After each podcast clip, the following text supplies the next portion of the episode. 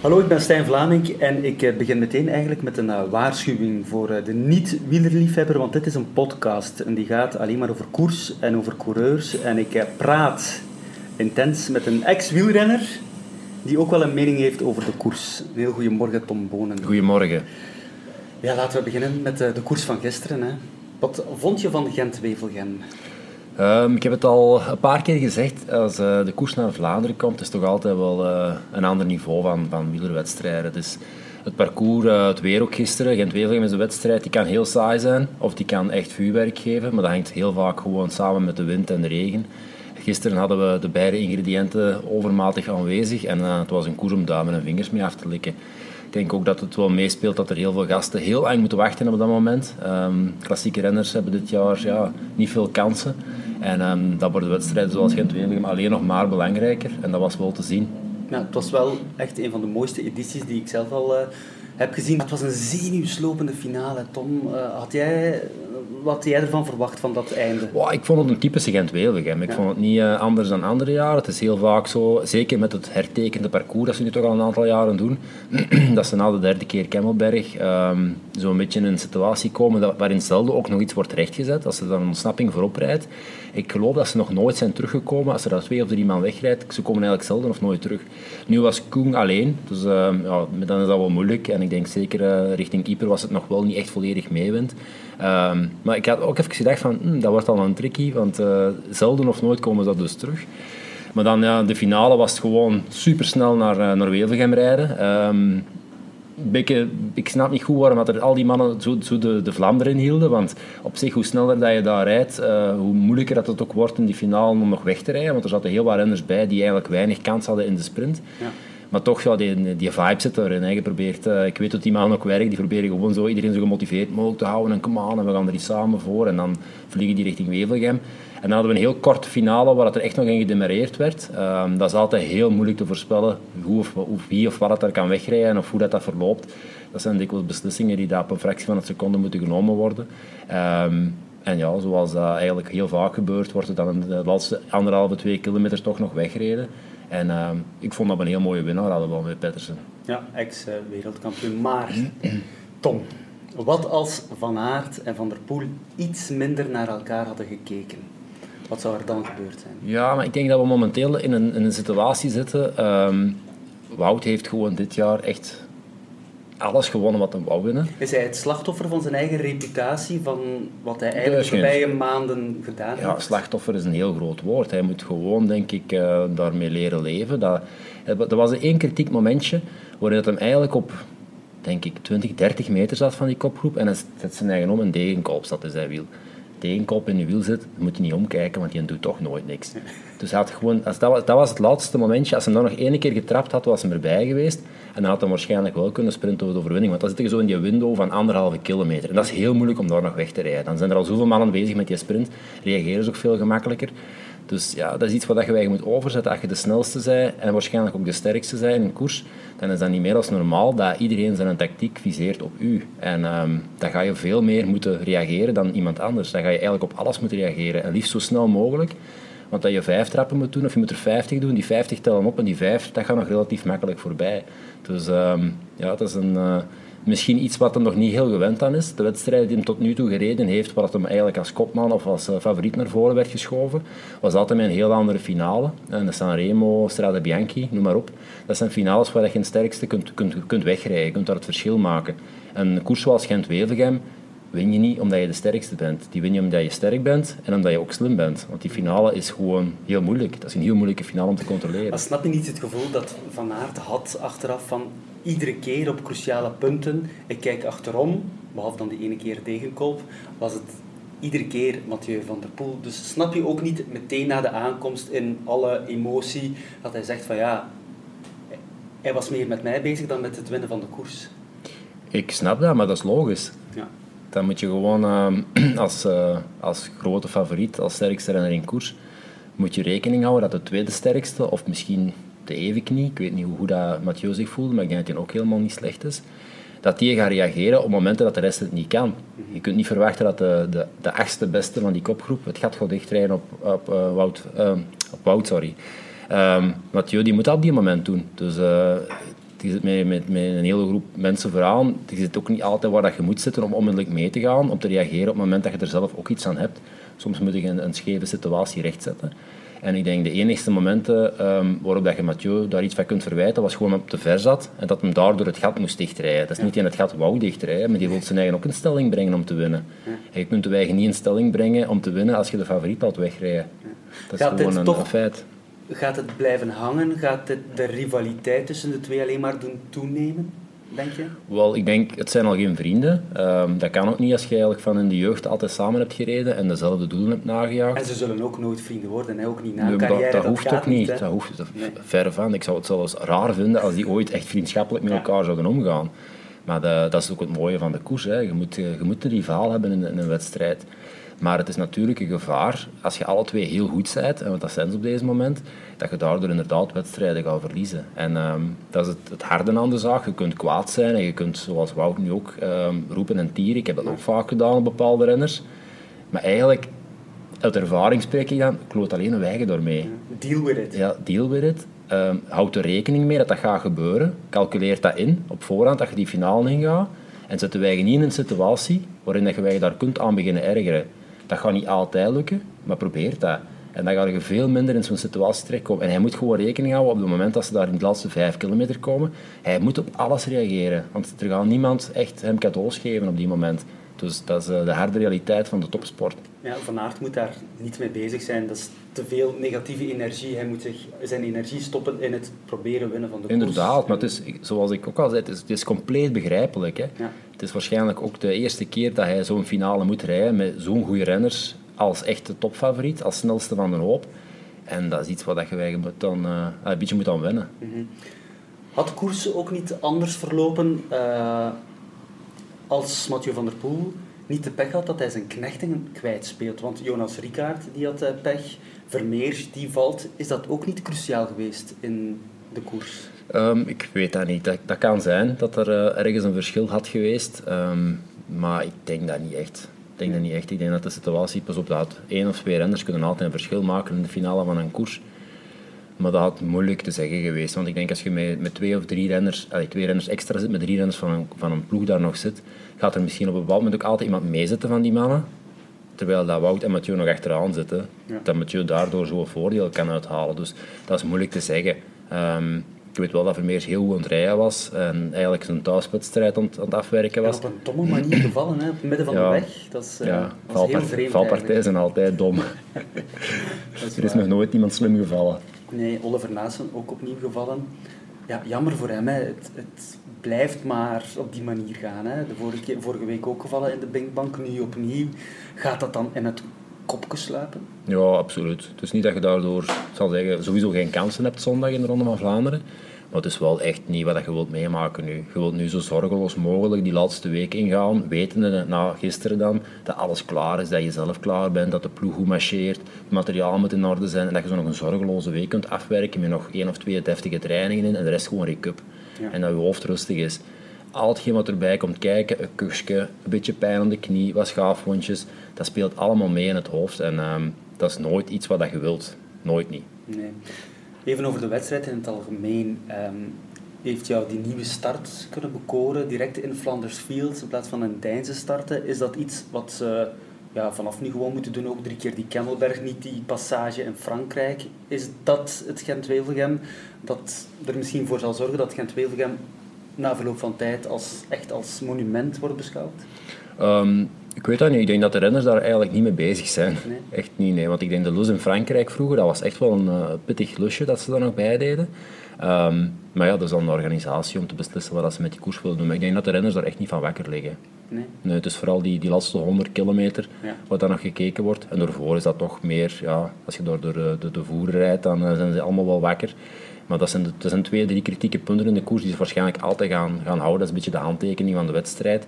Maar de startplaats, die, die tussenstroken, waar dat, dat is. Ik denk dat er veel renners zelfs niet weten waar ze geweest zijn.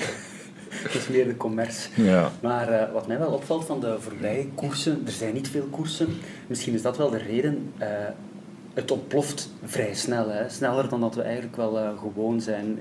Is dat de enige reden, omdat er maar weinig kansen zijn? Iedereen moet proberen zijn kansen nou, te Daar ben ik niet mee akkoord. Ik denk een wedstrijd zoals Gent-Wevelgem al veel vaker, nog veel vroeger ontploft is. Dat is nu was dat de eerste keer op de Camel. Ja, maar ja, we hebben vroeger ooit koersen gehad in Gent-Wevelgem dat ze al vijf kilometer weg waren en dat we ze nooit meer terugzagen. Dus dat, uh, de startplaats in Deins ook wel. Daar heb je eigenlijk onmiddellijk die grote baan naar Tielt. En als daar de wind al goed stond, of slecht stond, dus met wat je het ziet, voor ons was dat meestal goed, daar is de koers ooit gereden geweest. Hè. Dat was na 5 kilometer, of na 10 kilometer waren wij al weg. Dus het is puur wind. wind. Als de wind in Gent-Wevelgem um, zich aandient op de juiste moment, op een, op een mooie lange rechte baan, dan maak je brokken. Is er nog 200 kilometer, dan gebruik je dat. Je kunt, uh, je kunt alleen maar hopen dat ze niet terugkomen. En de brokken achteraf, wie dat er terugkomt en wie dat er niet terugkomt, dat meet je, dat meet je dan wel op. Maar um, in een wedstrijd zoals dat gebruik je iedere mogelijkheid om, uh, om voorsprong te nemen. Mm -hmm. uh, we hebben het al gehad over Van Aert, over Van der Poel, Nasen. Maar wie heeft jou gisteren verrast? Is er um, een coureur die jou is opgevallen? Ja, Koen. Stefan Koen. Die heeft mij echt wel... Allee, grote ogen niet, maar ik, ik weet wel hoe goed dat die jongen al is. Maar um, ik vond die eigenlijk, het is minder explosief type dan Mathieu en Wout. Maar ik denk, hetgeen wat hij heeft laten zien, ik zet die eigenlijk op gelijke hoogte. Het is een ander type renner. Het is niet iemand die dat het verschil gaat maken op de hellingen. Maar um, hij kan wel, en denk ook in een wedstrijd zoals Vlaanderen, die nog langer is, ik zet die echt bij de topfavorieten. Dus uh, hij komt misschien minder indrukwekkend in beeld dan die twee, omdat hij dat flitsende nog niet heeft. Of we niet hebben heeft. hem ook gezien op het WK. Hè? Ja, ja, dus die dus, jongen dus, kan hard rijden. Het is, dat, uh, iemand die zijn visitekaartje al vaker heeft afgegeven. Um, maar het is niet iemand die zo in beeld komt van tjoe, die flasje geeft, zo, dat je denkt, wat is dat hier? Maar um, op de lange duur, denk ik dat je die er toch wel kunt nazetten qua vormpeil momenteel. Mm -hmm. Ik zag ook uh, Sepp van Marken toch wel weer vooraan. Dus is goed. En Yves Lampaard, die is mij ook wel uh, meegevallen. Ja, absoluut. Ik denk dat de hele de Koning Quickstep groep um, toch weer met drie man mee niet echt de beslissende factor in koers was deze keer. Um, maar het, was, het, is ook een heel moeilijke wedstrijd om daar echt als groep echt een stempel op te drukken. En dan zaten ze in de finale met drie man met niet echt de snelste erbij, wel enkele finishers. Dus ik denk dat ze toen een beetje afwachtend beginnen rijden zijn tot de laatste vijf kilometer, om dan wat te gokken, zoals dat er heel veel gedaan hebben. Maar dat was niet het moment om de koers echt in handen te pakken. Je kunt met Seneschal naar de aankomst rijden, dat weet iedereen, die is snel, die kan aankomen, maar die had nooit gewonnen tegen Van Aert of tegen Pettersen of, of zelfs niet tegen Mathieu. Dus dan moet je andere dingen proberen. En dat hebben ze goed gedaan. Ik denk dat ze er um, een heel mooi resultaat, misschien niet het hoogst haalbaar, ik denk ook wel dat hij had kunnen winnen. En dat had ook gelukt waarschijnlijk als Pettersen niet was teruggekomen de laatste kilometer. Dus ze hebben het eigenlijk perfect ja. gespeeld, maar dat zijn, uh, ja, de golden van de koers hebben er anders over beslist. De eerste Belg, dus uh, Yves Lampaard van de Koning Quickstep, zevende. Um, en vooral na zijn sleutelbeenbreuk heeft hij toch getoond dat, hij klaar is voor de Ronde van Vlaanderen. We hebben ook uh, Yves Lampaard uh, even opgebeld. Yves Lampaard, ga maar uh, meteen met de deur in huis vallen. Hè. Hoe kijk jij terug op jouw Gent-Wevelgem? Ja, toch wat tevreden. Hè. Ik kwam een beetje van uit de verre positie terug, toch, toch tot bij de koproep. En uh, ja, uh, uiteindelijk zevende. Tweede is met Florian. Dus ik uh, denk dat we al bij al wat tevreden zijn met onze, onze wedstrijd. Ja, dat denk ik ook. jij reed in die kopgroep. Van Aert, Van der Poel, die waren daar ook. Heel veel gedoe rond, want die waren eigenlijk vooral naar elkaar aan het kijken. Hè? En de ene nog iets meer naar de andere. had jij dat ook door? Voel je van, oké, dat geeft wel mogelijkheden voor de anderen in die kopgroep? Uh, tijdens de ontsnapping uh, heb ik me daar niet echt mee bezig gehouden, maar het was, uh, ja, het waren de twee sterkste mannen in koers. Dat zag je ook het laatste Camelbaar. Dus iedereen keek wel een beetje naar hen, naar zij twee, en, en zij twee keken een beetje naar elkaar. En uh, ja, ik denk dat de laatste kilometers wel een beetje escaleerde, ja. ja het heeft geëscaleerd, ook achteraf. Dat is te zeggen, hier en daar wat woorden gevallen. Het is niet dat het hoe zou ik het zeggen, dat de openlijke ruzie is of zo. Hè? Dat wellicht in de eerste momenten van de, de emoties, dat er zo wel iets ja. wordt gezegd. Maar hoe, hoe beleef jij dat? Hoe kijk jij daarnaar? Oh, ik denk dat ze uh, alle twee wel uh, verstandig genoeg zijn voor, voor dat uh, achter zich te laten vandaag. dat dat een koers is geweest en dat ze zondag wel opnieuw hun eigen koers zullen rijden. En, en eigenlijk opnieuw gaan ze ook een beetje naar elkaar kijken, want het zijn opnieuw de twee topfavorieten. En opnieuw gaat Peloton ook een beetje naar die twee kijken. Dat ja. zijn de sterkste mannen. Mhm. Dus uh, maar ik weet niet of dat ze dat nu op dezelfde manier gaan, uh, gaan aanpakken zondag als, ze gisteren hebben gedaan. Nee. Wordt afwachten. Even over jouw seizoen, Yves. Begin augustus die sleutelbeenbreuk in Milaan-Turijn, dan toch wel enkele weken buiten strijd, zo gaat dat. Half september dan de eerste wedstrijd, ronde van Slowakije, vierde plaats ook in de Pinkbank Tour. Nu zevende in een uh, zware Gent-Wevelgem, de eerste Belg. Ja, hoeveel vertrouwen geeft dat met het oog op de Ronde van Vlaanderen? Well, het geeft vertrouwen dat ik... Uh, allez, toch zeker in de kopgroep dat we zaten, dat was wel een hele sterke kopgroep, dat ik eigenlijk kon toerijden op een uh, alleen, dat ik er alleen naartoe ben geweest. Uh, had wel zeker vertrouwen. Uh, ik weet dat ik nog niet... Allee, mijn basis is zeker goed, uh, maar, maar ik mis nog wat explosiviteit daarop. Maar ik kan blijven rijden en dat je wel vertrouwen moet dromen, want dat is ook echt... In de klassiekers moet je altijd blijven rijden en nooit opgeven. En dat is eigenlijk altijd een mentaal karakterspel, die klassiekers, voor altijd ook te vechten door je positie. En iedereen zit wel een keer achterop, achter een, achter een bergje. Dus je moet altijd ja, terugkeren of blijven rijden. En, en dat wel lukt. ja, ja, dat is eigenlijk wel echt uh, een klassieker. Oké. Zeg, heb je trouwens uh, Mark Cavendish nog gezien na afloop, Yves? Ik heb Mark niet meer gezien na afloop, nee. nee. Maar was voor jou ook een verrassing? Want hij is daar... Ja, er waren toch wel tranen. Uh, geen ploeg meer. Wist jij dat uh, ik had dat gezien in de Bing Tour en toen uh, vertelde hij mij dat hij nog volop aan het zoeken is achter een proef voor volgend jaar. Uh, en ja, dat er, dat er niet echt heel goed uitzag. Maar ja, ik hoop wel voor Mark dat, uh, dat er nog iets uit de bus valt. Maar ja, dus, het zal niet simpel worden natuurlijk. De plaatsen zijn duur hè, op het hoogste niveau. Zeker nu, met het wegvallen van NTT en CCC, is, is het heel moeilijk voor je plaatsje af te dwingen. En ja, het, is, uh, het, is, het is ook uh, een, ja, met, dat, met dat corona-gedoe is het, is, het echt geen uh, aangenaam jaar voor, voor de jongens voorbij te tekenen. Nee, maar dat iemand als een Mark Cavendish met on ongelooflijk palmarès op die manier ja, zijn pensioen ziet ingaan, laten we het zo omschrijven, dat is toch wel pijnlijk eigenlijk. Hè? Ja, ja, ergens wel. Want uh, het is, het is wel fenomenaal wat dat hij bereikt heeft in, in zijn uh, wielercarrière. En dat, dat, dat vergeet me soms al een keer. Ja. En, en, ja. Het zou toch wel tof zijn als hij zelf kunt beslissen wanneer dat hij kan stoppen met fietsen. Mm -hmm. Zo is dat. Ja, Tom. Het is toch wel opvallend, hè? Mark Cavendish na afloop in tranen. Toch een beetje pijnlijk om te zien. Ja, ik, was, uh, ik had het er eigenlijk zelf ook een beetje moeilijk mee. Ik, uh, ik had het ook niet zien aankomen. Ik dacht, ah, in de wedstrijd, uh, Mark, goed, best goede koers gereden, eindelijk nog eens. Hij heeft zich laten zien, hè? Ja, want snel mee. Het is niet ehm, iemand die dat... Uh, ik neem het, neem het van mij aan, ik ken hem heel goed. De laatste drie jaar voor hem, dat is de, de hel geweest. Dat is een leidersweg die dat waarschijnlijk iemand in een normaal leven zich niet kan voorstellen. Wat, wat bedoel je? Een, winnaar die niet wint, is verschrikkelijk. Het is echt verschrikkelijk. Hij heeft een verantwoordelijkheid ten opzichte van zijn ploeg. Ik weet dat hij die zelf heel hoog in het vaandel draagt.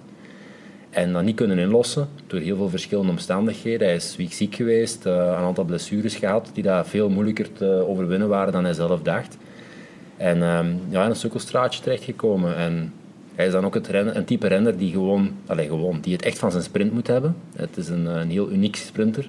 Maar hij heeft ook niet zo een ander wapen. Hè. Ik, ik, was vroeger ook snel, maar ik kon de klassiekers winnen. En je kunt dat wat verdelen. Als je dan in het voorjaar een keer wat pech hebt gehad of zo, er zijn nog koersen.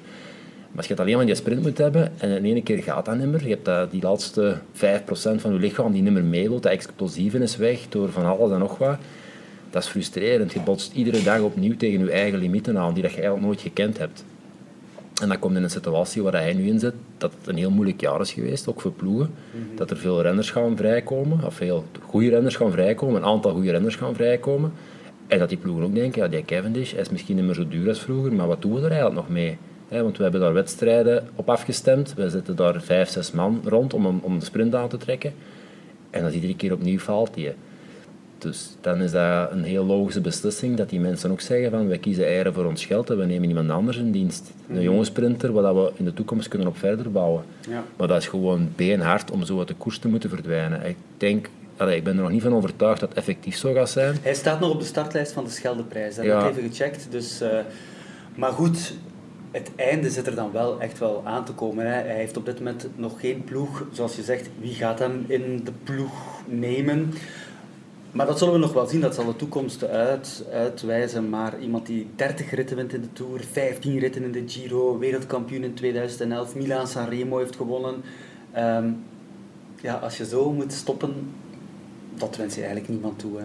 Zeker niet iemand met, van zo'n kaliber. Dat is het, ehm, het slechtste wat je kan overkomen, denk ik. Zeker als je dan al weet wat hij al heeft meegemaakt om op dat punt te komen. En dan nog eens die extra slechte, super diepe ervaring erbij van echt langs het achterpoortje te moeten verdwijnen omdat je geen contract meer krijgt. Ja, ik denk ook niet dat hij dat zichzelf uh, had zien doen of dat hem dat verwacht. Maar ehm, het leven is beenhard en in topsport wordt het allemaal uitvergroot. Dus uh, het is wat het is. Je kunt er niet veel aan veranderen.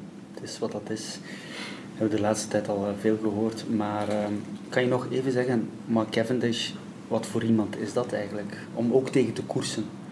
Ik heb Mark eh, pas goed, ik, had, ik kende hem relatief goed voordat hij bij ons in de ploeg kwam. En ehm, toen had ik hem echt zo, dat was mijn concurrent op momenten. Uh, een, een pitbull, een Engels pitbull, een straatvechtertje, die het veel met zijn mond moest doen. Die ook altijd kwaad moest zijn op iemand om te kunnen winnen. Hij verloor heel vaak de eerste rit in een ronde. En dan had hem in die koers wel ergens een vijand gemaakt. En dan had hem de tweede dag voldoende woede in zich om die koers te kunnen winnen. Uh, woede was altijd wel een beetje zijn, zijn drijfveer. Dat kon hem veel meer door dan dat hem eigenlijk kon. Is hij eigenlijk een beetje de Michael Jordan van de koers? Ja, want die had dat ook nodig, hè, Ongelooflijk. Ik heb nooit iemand gekend zoals Mark in de koers. Want de meeste renners en zelfs sprinters zijn eigenlijk best zachtaardige gasten. Die komen in een koers en oké, die krijgen wel een beetje zo die, die sprinters waas voor hun ogen. Maar op zich zijn daar nooit echt zo... Cipollini had dat een beetje en Cavendish had dat in het extreme. Maar de rest zijn eigenlijk allemaal sava gasten. Ja. En hij had dat echt nodig. Maar dan heb ik hem goed leren kennen toen hij bij ons in de ploeg kwam. En toen heb ik iemand anders leren kennen. Een heel zachtaardige gast. Die family echt, man ook. Family man, die daar heel veel inzat met de mensen waar het hem om gaf. Die in de ploeg ook echt wel ehm, een ploeg rond hem wou smeden, omdat hij in die gasten geloofde en dat hem ook wou dat ze in hem geloofden. En um, toen is niet dat mijn mond open viel, maar toen ben ik wel echt verbaasd geweest van uh, het contrast in wat ik dacht en wat de realiteit was. Wat dat heel vaak het probleem is in sport. Als je tegen iemand koerst en je leert je dan beter kennen dat het eigenlijk gewoon iemand anders blijkt te zijn. Mhm. Even over de winnaar van gisteren. Mets uh, Petersen won in uh, 2019 het wereldkampioenschap. Velen dachten van kijk, one hit wonder. Maar uiteindelijk, hij bewijst toch dat hij meer is dan alleen maar een eendagsvlieg. Hij heeft eh, Gent, Gent-Wevelgem winnen voor ons, Vlamingen. Ja, dat geeft toch wel echt een grote waarde. Hè? Ja, absoluut. En ik denk dat we al vergeten, de, dat jaar dat hem tweede was in de Ronde van Vlaanderen. 2018. Achter Niki was dat, geloof ik. Ja. En um, toen houdt hij gelijk het rit. Vanaf het moment dat Niki weggereden is, heeft hij even een zwak momentje gehad. Ik denk niet dat hij dat dit jaar nog zou meemaken. Hij is gegroeid als renner. Hij is nog jong. Hij heeft... Um, niet de, de stamina zo om een heel jaar echt overal te scoren. Nee, maar als maar ik heb koersen eruit kiest... Ja, en ik heb hem ook een heel sterke Tour zien rijden. Want ik had in de Tour de laatste week ook al gezien van... Je gaat er staan in de klassiekers. En hij heeft nu het geluk, of de geluk, ja, je kunt het zo noemen, nu in oktober te mogen koersen in, uh, in Vlaanderen. Bij veel frissere temperaturen. Gisteren ook koud, slecht weer. En dat is iets dat hem gewoon goed ligt. Het WK vorig jaar was ook in dezelfde periode en dat was ook slecht weer. En hij is iemand die dat er goed tegen kan. Mm heb je ook naar de vrouwenkoers gekeken gisteren, Tom? Nog een klein stukje. Klein stukje. Ik heb de finish gezien. Eindelijk een, eh, een Belgische overwinning. Wel gisteren zonder Van Vleuten, Van der Breggen. Maar toch, het is een mooi signaal voor het Belgische vrouwenwielrennen. Hè? En de jonge wielrensters, dat er toch nog kan gewonnen worden als uh, Belgische. Ja, absoluut. Want uh, in België is de vrouwenwielrennerij ook een serieuze opmars bezig. Maar er, is nog, er zijn nog veel stappen te nemen. En, dat hebben we gezien tijdens het WK. Ja, overwinningen zoals dit. Uh, ook wel weer in België, in Vlaanderen, in onze eigen koersen. Dat brengt toch wel meer dat er uh, redelijk wat commotie rond gecreëerd wordt. En dat er toch wel voor de voldoende motivatie naar de jeugd wordt doorgegeven. Want er is, er is zoveel marge nog op dat vrouwenwielrennen. we hebben nog zoveel stappen te nemen ook om dat gelijk te trekken met de, met de mannenwielrennerij. We zijn er aan bezig, er wordt aan gewerkt, de koersen zijn er, de tv-uitzendingen zijn er, de aandacht is er. Dat is belangrijk. Nu moet de jeugdwerking ook nog volgen. Over de koers van gisteren hebben we al uh, ja, genoeg gezegd. Koersverloop heb je eigenlijk niet altijd uh, eh, 100% in de hand, eigenlijk nooit. Het is altijd een beetje afwachten. Maar uh, wat je wel in de hand hebt, is de trainingsarbeid. je kan hier en daar nog wel altijd wel wat bijsturen in topsport is data. Wordt data steeds belangrijker, statistiek wordt steeds belangrijker. Een collega uh, Maxime Goedals is er ook komen bijzetten. Ook een man van data en uh, statistiek. Maxime, je hebt een aantal ja, toch wel opvallende statistieken bij van gisteren. Hè? ja, inderdaad, Stijn. Koers draait meer en meer rond data en statistieken. Dat zag je gisteren ook. De live-uitzending die wordt dan opgesmukt. Links onderaan zie je dan Van Aert die de Kemmelberg oprijdt. En daar komen dan direct wattages bij en zo. En, en snelheden, zeg maar. Um, en ik heb er gisteren wat wattages uitgepikt, met dank aan Velon, die dat allemaal mooi, mooi bijhoudt.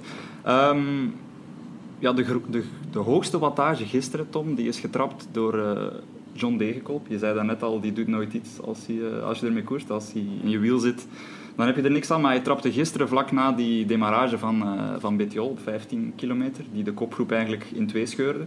Waardoor Van Marker en Asgreen achterop raakten, onder andere. Op dat moment trapte Degenkolb 1650 watt. Hoe moeten we dat inschatten? Hoeveel kun je daar een wasmachine mee in gang steken? Hoeveel pk is dat? Hoe moeten we dat inschatten? Um, ehm, 1650 watt is het uh, vermogen dat een sprinter eigenlijk altijd haalt in een sprint. Een sprinter van 70, 75 kilo zal daar misschien net iets onder zitten. 75 kilo begint dat wel. Maar vanaf dat je boven de 75 kilo tot 80 kilo zit, is dat eigenlijk een heel normaal vermogen voor een, een topsprinter van het niveau van Degenkolb. Um, dat is een piekvermogen, dus dat kan ook zijn dat dat één trap is geweest. Dus één trap, 1650 mhm. watt, en dat dat dan al afzwakt. Uh, sprinters zijn heel hard geneigd om dat te doen. Die hebben de eerste drie trapjes zijn dan meestal waarin ze het verschil maken. En dan houden dat vermogen, gaat dat stilletjes aan naar beneden dat is een heel indrukwekkend vermogen voor iemand die niet fietst of topsporter is of in de sprint uh, verzeild geraakt. Maar er zijn sprinters van, de echte topsprinters bijvoorbeeld, de kleiner, fijner, lichter mannetjes, die dat niet vermogens halen. Dat zijn de sprinters die ook het moeilijkste te verslagen zijn. 1650 watt, ik denk dat dat ongeveer 2 pk is. Maar dat is een piekvermogen van een seconde waarschijnlijk. De beste sprinters kunnen dat een, een gemiddelde wattage, denk ik, over een sprint van 10 seconden, dus 200 meter ongeveer. Um, 1400 watt halen op over 10 seconden. Maar dat is ook niet dat je dat 20 seconden kunt. Nee, als je over 20 seconden praat en dan boven de 1000 watt uitkomen, dat zijn al wel uh, fameuze kanonnen. Wat was jouw uh, piek destijds? Ik sprintte 1850 watt. 1800, dus John Degenkolb uh, die moet nog een beetje oefenen. Ja, maar ik ben, ik ben natuurlijk ook een kop groter, of misschien zelfs anderhalve kop groter dan, dan John. Ik weet niet wat hij weegt, maar ik Op dit moment weegt hem volgens... Allez, 75. 77 kilogram. 77 kilogram. Ik woog 81, eh, 82 kilogram. Dus dat is ook uh, wat per kilogram. Maar ik heb gewoon veel meer massa in beweging te brengen. Ik, als, je, als je John Degenkolb achter mij zet, dan zie je hem ook niet echt meer rijden. Dus ik denk uh, op pure acceleratie dat hij met zijn 1650 watt waarschijnlijk in acceleratie ongeveer hetzelfde uitkomt als mij. Maar het zijn niet alleen de cijfertjes. Dus, uh, dus die, uh, hetgeen wat ik daar straks ook al zei, het belangrijkste in een sprint is een aanzet. Je kunt het meeste verschil maken in een aanzet. Dat zijn de eerste drie tot vijf tot tien trappen dat je kunt geven. Dat is ook hetgene wat aan een sprinter het meeste op terrein. Dat is eigenlijk gewoon die eerste tien trappen en de rest is gewoon endurance houden in die sprint. Ehm, en uh, ik hoop dat daar wel een verschil op zit van bijvoorbeeld de ene sprinter tegen de andere, dat dat dan vijf trappen kan en de andere kan dat tien trappen. En dan hmm. is dat onmiddellijk meetbaar in lengtes of in verschil van, uh, van afstand dat je kunt pakken op de rest. We zagen bijvoorbeeld Van Aert, dat zag ik in de live-uitzending, trapte op de Kemmelberg die laatste keer, heel indrukwekkend, met Van der Poel in zijn wiel, Bettiol er iets achter. Op dat moment trapte hij 1060 watt op de Kemmel. Is dat dan, dat is een verschil van 600 watt. Hoe moeten we dat interpreteren? Is het omdat dat bergop is? Omdat dat... Nee, dat is, een, dat is een inspanning van 1 tot 1,5 minuut, die ook vooraf gaat je, je, komt niet aan je camel aan zonder dat je gereden hebt of dat je getrapt hebt. Je hebt al uh, die aanloop gehad in het vals plat, dus je komt er zonder snelheid aan. Als je de Kemmelberg bijvoorbeeld zou oprijden, zoals dat ze de eerste keer hebben gedaan, dat je uit die afdaling komt en dan links opdraait, dan kom je dan met frisse benen aan, dan heb je die explosiviteit, die eerste meters. Dan is dat veel gemakkelijker om heel hoge vermogens te halen in het begin. Het belangrijkste in dat soort beklimmingen, dat is eigenlijk de, het vermogen over die minuut, of over die twee minuten dat je kunt trappen. En ik denk dat Wout op dit moment met Mathieu, ik denk waarschijnlijk Wout nog net iets meer, het wattage over die minuut of twee minuten, dat dat het hoogste is van iedereen in de wereld momenteel. en dat zijn de wattages die het belangrijkste zijn. Dat zijn de wattages waar je het verschil mee maakt. Dat zijn de, de wattages ook waar je bijvoorbeeld in de Ronde van Vlaanderen uh, op de Taaienberg boven het verschil maakt. Er wordt heel weinig weggereden op de helling zelf. Het verschil wordt gemaakt in die uitlopers. En dat Ja. zijn die mannen die, dat dan, die een anderhalve minuut al hebben gehad. Op hetzelfde wattage of hetzelfde vermogen als de rest. En die komen boven, die hebben nog dat tikkeltje extra. Die kunnen dan nog eens 30 seconden bij aanplakken. Ja. Of een minuut bij aanplakken. Al een veel hoger vermogen dan eh, de tegenstand. En dan maak je dan het verschil. Zijn de types Kung, zoals je daarnet zei, die gaat op de klim zelf niet het verschil maken, maar die heeft dan zo'n inhoud om eigenlijk op een uitloper... Ja, Koen is absoluut geen explosief Nee. renner. Ehm, Maar die Wout- kan die inspanning dan langer aanhouden. Als die boven Ja. komt op de camel, heeft hij nog is, een... Koen is meer een renner van de, de 20 minuten naar het uur. Ja. Als je daar de gemiddelde wattages gaat bekijken, wat hij maximaal kan, kan leveren, is dat waarschijnlijk op dit moment de sterkste renner van het peloton. Dat weet ik niet met zekerheid, Ja. maar ik gok wel op wat ik zie dat dat zo is. Ehm, maar ook niet de lichtste natuurlijk. Hè. Dus niet iemand dat je op een kool moet laten rijden. eh dat gaat je Ja. altijd verliezen van gastjes van 60 kilo die dat, dat ook kunnen. Of die ook een hoog vermogen kunnen trappen. Dat is dan minder hoog dan dat van hem. Maar als je dat dan op wattage per kilo gaat berekenen, dan komt dat wel weer hoger uit. Ja. Maar dat is echt puur theorie. Hè. Dat zijn de Ja, cijfertjes. voilà. Het is niet dat je met cijfers een koers wint. Er zijn renners geweest die dat vermogen strapten, die dat eigenlijk gewoon out of this world waren, die nooit een koers hebben gewonnen. Gewoon omdat ze die mentale instelling Ja, hadden. voilà. Ehm, goed, met Petersen dan. Je hebt het, eh, jullie hebben het er al even over ehm, gehad. Ik heb een klein folieke gevonden in de statistieken in 2012. Weet je wie toen Gent-Wevelgem won? Niet de moeilijkste vraag. Eh, ik. Ja, wie won de ronde dat jaar? Ik. Ja. In 16 hadden we Peter Sagan, die deed hetzelfde. Dus vier jaar later. Nu zijn we 2020. Weer vier jaar later. Kan Petersen de ronde winnen volgende week? Absoluut. 100% Ook zeker. in een koers die... Het is een gelijkaardige koers, alleen de klimmetjes... Allee, je hebt Paterberg is nog 15 kilometer tot de streep, 16. Moet je, eh, moet je daar alleen weg zijn, zijnde Van Aert, zijnde Van der Poel, om niet hetzelfde mee te maken als Ik denk, dat we, ik denk dat we in een situatie zitten waar er heel veel kans bestaat dat er iemand anders de Ronde van Vlaanderen gaat winnen. Ja. Net omdat eh, de twee zo gelijklopend zijn, zo, allee, qua kar- karakteristieken zijn die eigenlijk echt gewoon kopieën van elkaar. Eh, ze hebben een heel ander programma afgewerkt. Dat is, een- dat is het verschil denk ik dat je nu nog een beetje ziet. Eh, ik denk dat eh, de ene aan het komen is en de andere een beetje aan het minderen is, eerlijk gezegd. Mhm. Maar dat is een heel, heel gevaarlijke formule om daar met twee topfavorieten te starten, die dat eigenlijk alle twee hetzelfde kunnen. Ja. Want waar ga je elkaar lossen? Dus je moet echt rekenen op een goede dag of een slechte dag van een Ja, andere. ja. En het probleem is, er zitten er vier, vijf of zes of zeven of acht achter die eigenlijk niet zoveel slechter zijn. Dus het gaat wel eh, En die een gebruik koers maken, zijn. En Petersen is Ja. iemand die al bewezen heeft, denk ik, dat hij in de Ronde van Vlaanderen zijn plan wel kan trekken. En die niet verzwakt. Langere afstanden is voor hem geen probleem. Trentin is ook heel goed bezig. Koen, allee, zit er dan nog vier, vijf van Quickstep bij, die daar momenteel ook Ja, sterk bezig zijn. heb je- En eh, we zijn aan het koersen. Hè. Dus Sowieso. het klopt dus in een Olympisch jaar in 2012, 2016 en misschien 2020. Ja, er zijn er vroeger nog die het... de eh, winnaar van Gent-Wevelgem ook de Ronde van ja, Vlaanderen. dus dat zou een, eh, Benieuwd zitten nu wel in een geannuleerd Olympisch jaar. Ja, Ja, ik weet voilà. het wel, maar het is een officieel Olympisch jaar. Ehm, goed, Pedersen die is 24 jaar, 298 dagen. Gisteren was hij, ehm, was hij zo oud. In de beginjaren van Gent-Wevelgem zijn er wel vaker winnaars geweest die die leeftijd hadden, of nog veel jonger, 19, 20, 21 jaar. Merckx was bijvoorbeeld ook 21 toen hij zijn eerste won. Ehm, maar sinds 2000 komt het niet zo heel vaak voor. Eh, ik heb er vier genoteerd.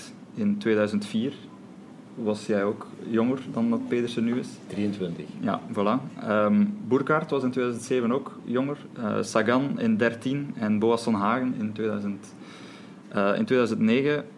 Moeten we hier een conclusie uittrekken dat... allee, dit seizoen hebben we gezien. We hebben Pogacar gehad, we hebben nu Pedersen, we hebben... Van Aert is ook nog niet zo heel oud. Eh, we hebben Hirschi. Al die mannen die zijn nog geen 25. Van Aert nu net wel. Is dat een, een, een kentering, een verandering? Is er een nieuwe generatie nu echt die de macht heeft overgenomen? Ja, dat kunnen we wel even zeggen. Hè. De, Ja. de nieuwe generatie, ik vind dat, al, eh, dat dat eigenlijk al gepasseerd is. Dat zijn al mannen die hebben al een, een naam voor zichzelf gemaakt. Die Ja. hebben gewoon een iets jongere leeftijd dan, eh, dan de meeste van de gasten. Maar ik denk wel dat er een inhaalbeweging is, een inhaalbeweging, een voorbijsteekbeweging is geweest van de jeugd. Er zit gewoon een supergoeie lichting in het peloton momenteel. Die daar vaak ook ehm, elkaar hebben gepusht naar een heel hoog niveau. Want dat is ook altijd het verschil. Je kunt gewoon heel veel klas hebben van je eigen. En als je weinig tegenstand hebt gehad in heel je carrière totdat je prof wordt, ga je ook niet het maximum uit je carrière halen of maximum uit je eigen lichaam halen.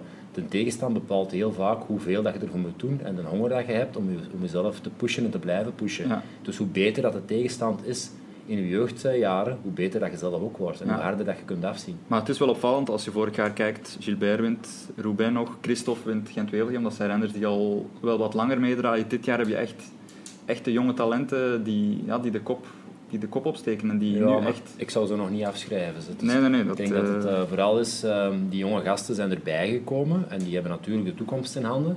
Maar renners zoals een Christophe ook, geeft hij nog gisteren een, een halve goede dag en die is ook nog mee. Dus nog mee, ja. va- het hangt vaak van kleine zaken af. En, Ja. eh, ik denk niet dat er nu al echt een complete overname is geweest, maar er is gewoon nu momenteel heel veel goed talent, echt, echt toptalent aanwezig in de koers. Ja. Goed, een laatste klein statistiekje nog. Ehm, deze Gent-Wevelgem, hij werd omschreven als een van de ja, zwaardere edities toch, met drie keer Camel. Het was een, een, zware, een zware aanloop, een zware finale. Ehm, de regen en de wind spelen dan nog een extra rol. We hadden gisteren de winnaar, heeft een ehm, gemiddelde van 43,7 bijna. Het is niet de snelste Gent-Wevelgem ooit, die was vorig jaar.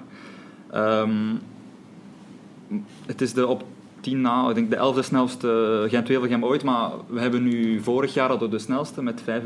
We hebben nu zo'n snelle in echt een zwaardere, zwaardere editie. Ehm, wat zegt dat ook over het niveau van dit, van dit peloton? Is dat alleen te wijten aan het feit dat er weinig koersen zijn en dat er echt vol gas wordt gereden ieder moment van de wedstrijd? Of heb je daar een andere verklaring voor dat... De gemiddelde snelheid, dat is echt enkel en alleen windrichting en parcours. Ja, Een koers die dat, ehm, zoals Gent-Wevelgem, dat is meestal, ik heb het weinig meegemaakt dat Gent-Wevelgem, dat er stukken rustpauzes tussen zaten dat er niet gereden werd. Dat kan eens gebeuren, dat er eens drie man wegrijdt tegen de wind in, dat er 50 kilometer niet gekoerst wordt. Laag gemiddelde. ja. Maar heel vaak is dat onmiddellijk koers en dan heb je altijd een hoog gemiddelde. Het is niet zo dat er nu harder of sneller gereden wordt of dat er, dat er, dat er, dat er een, overal hogere gemiddeldes Ja. worden gereden. Dat is puur parcours en, eh, de windrichting. oké. Maxime, ik heb nog één statistiek om daaraan toe te voegen. Ik heb vandaag al eh, zeven koffies gedronken. Dat mag je dan ook Voilà, wel daar- noteren. We daar kan dan ook in, eh, zien Vitesse. Eh, Daar kan ik niet aan tippen. fantastische dus, eh, koffiebar. Goed, voilà. Voilà, merci. Alsjeblieft. Parijs-Roubaix. Geen Parijs-Roubaix Ja, dit jaar. Heel Toch echt jammer, hè? Maar begrijp je het? Ehm, eigenlijk vind ik het moeilijk om te begrijpen dat er in eh, Parijs-Roubaix niet kan gekoerst worden, terwijl dat we gisteren in Wevelgem eigenlijk 25 kilometer langs de aankomstplaats zijn gereden en vlak langs, overal dichtbij zijn geweest.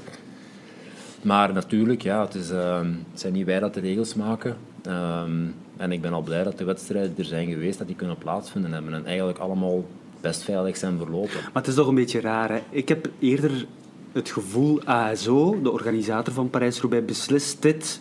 Want ze hebben de Ronde van Frankrijk toch al gehad, het geld is verdiend. Ze hebben een heel directe lijn met het Élysée, met de politiek in, eh, in Parijs, in eh, Frankrijk.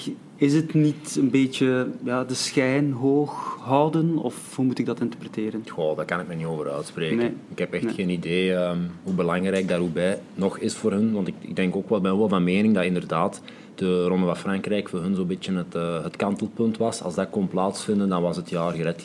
Ja. En dan konden ze gerust volgend jaar eh, een sponsors pleasen en dan was iedereen nog aan boord voor de toekomst.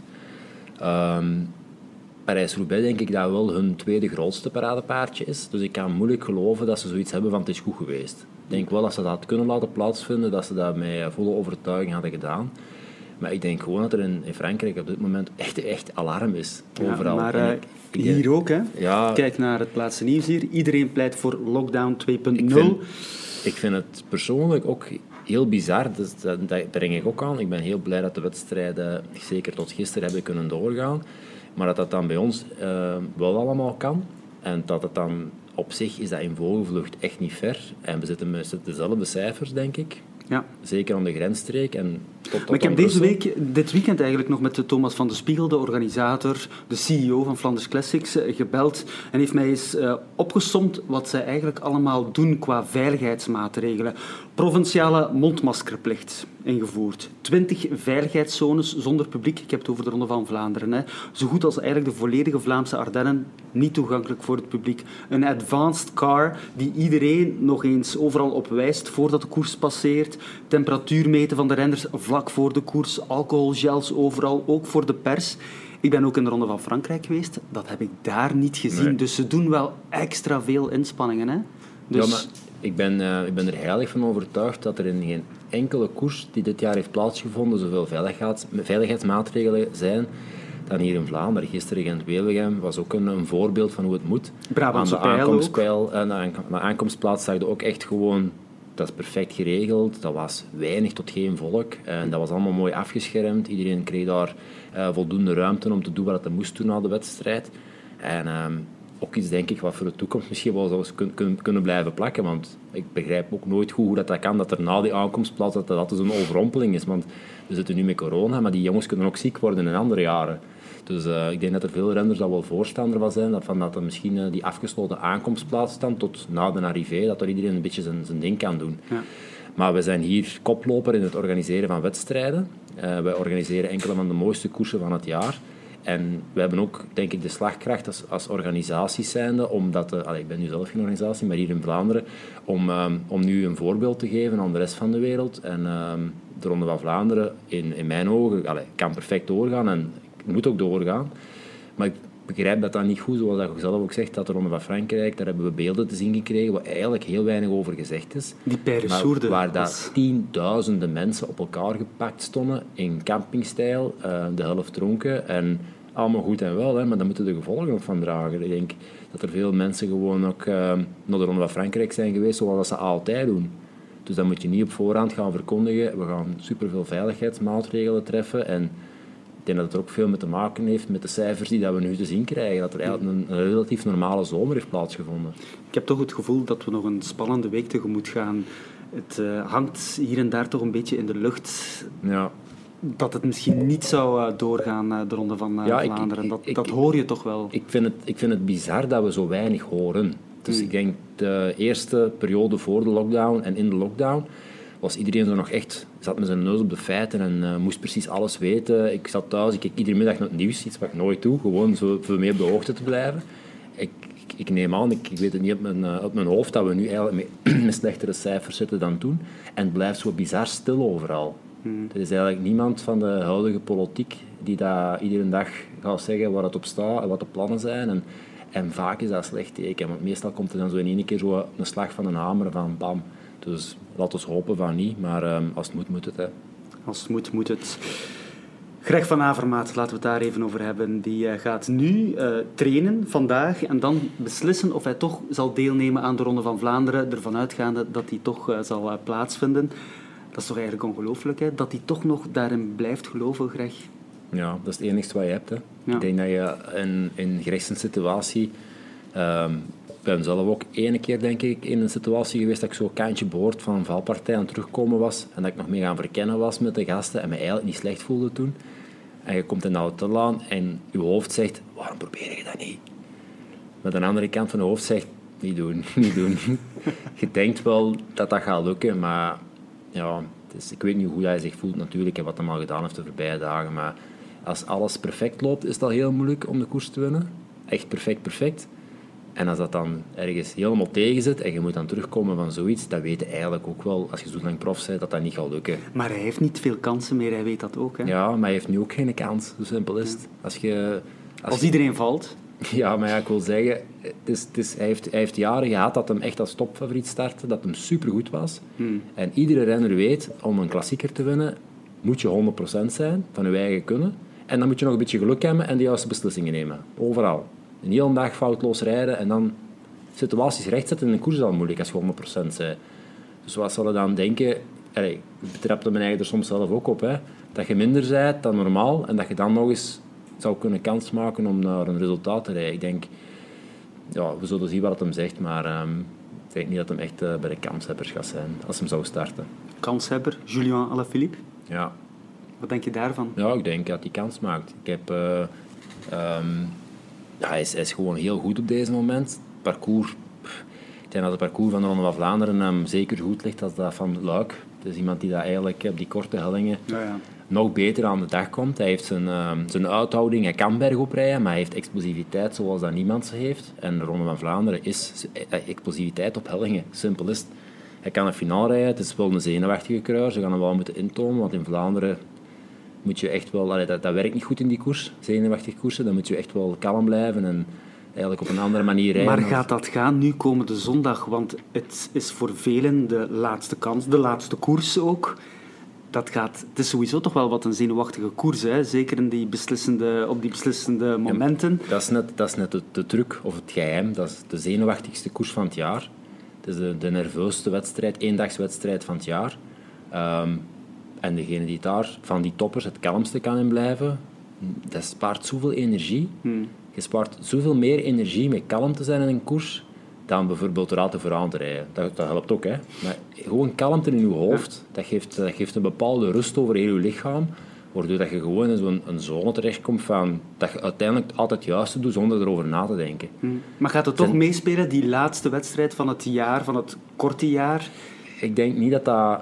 De Ronde van Vlaanderen is zo'n belangrijke koers voor de klassieke renners en voor iedereen in de koers, dat dat nu niet allee, harder gaat gereden worden of anders gaat gereden worden of zo, maar dat de, de laatste wedstrijd voor de meeste van die gasten is. Ik denk dat niet. Ik denk dat dat gewoon volle overgave is, zoals altijd. En eh, in koers denkt niemand erover na. Dat is gewoon full focus Ja. om die wedstrijd te winnen. Maar niemand is bezig met het feit dat dat er de laatste wedstrijd van het jaar gaat zijn. Alberto Bettiol. We hebben al wat eh, name-dropping gedaan, maar ik heb hem gisteren ook gezien. was echt goed. Ja. Vorig jaar wint hij eh, de Ronde van Vlaanderen. Voor velen op dat moment onverwacht. Een nobele onbekende voor eh, het, het brede publiek. Maar ik denk niet dat wij mogen onderschatten voor komende zondag. Nee, ik zet hem bij het rijtje. de vijf mannen, denk ik, achter Wout en Mathieu. Misschien Alaphilippe vooraan erbij, Koen op een andere manier. En dan begint het zo al wat gaan uit te druppelen, maar bij Jos zat daartussen. Als je, hem- als je hem zag rijden gisteren ook zo, die heeft, hij heeft zo'n pedaal terug van vorig jaar. Hij heeft echt zo dat, Ja. dat, dat giftig trappen. Zo, Ja, heeft- is- je ziet aan een renner gewoon hoe goed dat die zijn, hoe goed dat die zijn, dat die goed zijn. En ehm Bettiol gaf een hele soepele, vlotte indruk met overschot. Ja. En, eh, Geen trap te veel ook, hè, op de Nee, juiste momenten. Dat hoeft ook niet. Waarom Nee. zou hij in, in deze situatie, hij hoeft dat het verschil niet te maken, hij hoeft niks te doen. Ze nemen hem toch mee. En ehm, ja, koersen winnen is natuurlijk... Mensen zien graag dat de sterkste wint. Dat gebeurt niet altijd. Dus, eh, in wedstrijden zoals dat heeft hij één of twee kansen in de finale om te proberen. Lukt dat, lukt dat niet. Maar die kan hij alleen maximaliseren door zo weinig mogelijk te doen ervoor. Ja. Dus eh, het is een hele slimme gast. Oké. Nog één vraag, Tom. Woensdag de Scheldeprijs. Die eh, wedstrijd mogen we ook niet vergeten. Jij won die vijf keer. Wie wint hem nu, deze week? Wel, laat ons hopen dat Mark Cavendish start. En dat hem, dat hem de koers mag winnen. Ik denk dat iedereen het eh, hem zou gunnen. Het hè? is heel onwaarschijnlijk, maar... eh, en dan zeggen dat hij stopt. Dat zou, eh, dat zou het mooiste zijn, dat die jongen kon overkomen na al die miserie dat hem heeft gehad. Dus, een beetje eh, geluk in de sprint en dat Mark mag winnen. Dus als Bennett, Ewan, Akkerman, Merlier, Pedersen, Christophe dit horen, laat Mark winnen. Ja, Voilà. absoluut. Om een mooi afscheid Dat verdient vieren. hij. Dat verdient hij. Alright. Voilà, dat was eh, de eerste in het wiel. Eh, bedankt Tom Bonen dat je Graag aan tafel zat. Ook eh, merci Maxime Goethals voor de interessante statistieken. Je kan deze podcast herbeluisteren of beluisteren op alle podcastkanalen. Je kan ook de podcast bekijken op YouTube en op hln.be. Voilà, dit was In het Wiel. Graag tot de volgende. Ontdek hoe onze journalisten wikken en wegen. Lees nu het laatste nieuws, elke dag digitaal en in het weekend ook op papier, voor maar 14 euro per maand. Ga naar hln.be-ontdek. Het laatste nieuws, in het hoofd, in het hart.